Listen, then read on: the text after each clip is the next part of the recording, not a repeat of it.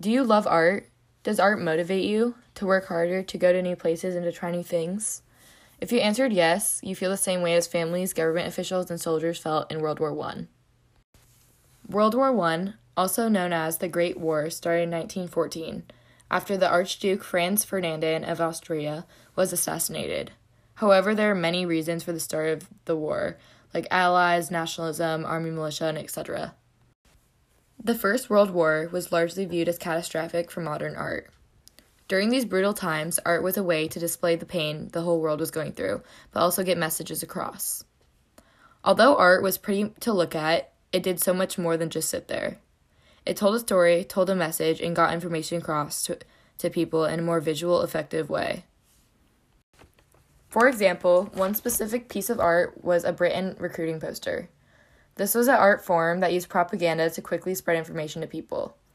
Thousands of these posters were put up among the country to get men to join the army. Propaganda is basically just the spreading of information, especially in like a biased or misleading nature, used to publicize a political point of view. Posters like these use propaganda such as glittering glittering generalities or even patriarchal stereotypes, such as questioning men's masculinity if they don't join the army.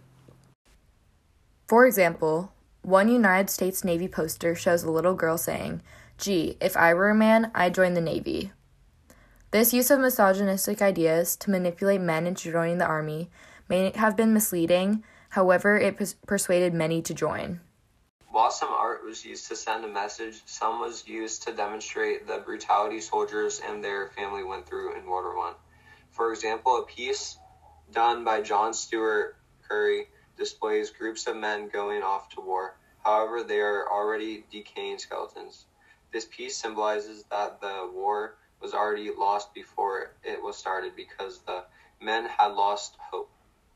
Trench art and high end art, such as this in the realism period, often symbolizes a hidden message or displays a truth of the brutal conditions of war World War One.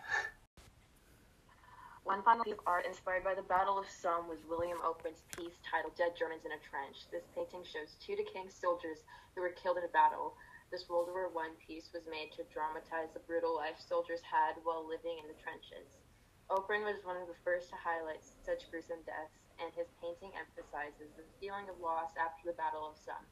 In conclusion, art in World War I was very important. It not only spread awareness, but emphasized and dramatized the news happening across the world in a way that had never been done before. World War I forced the art world to shift to a more truthful, authentic art era called realism.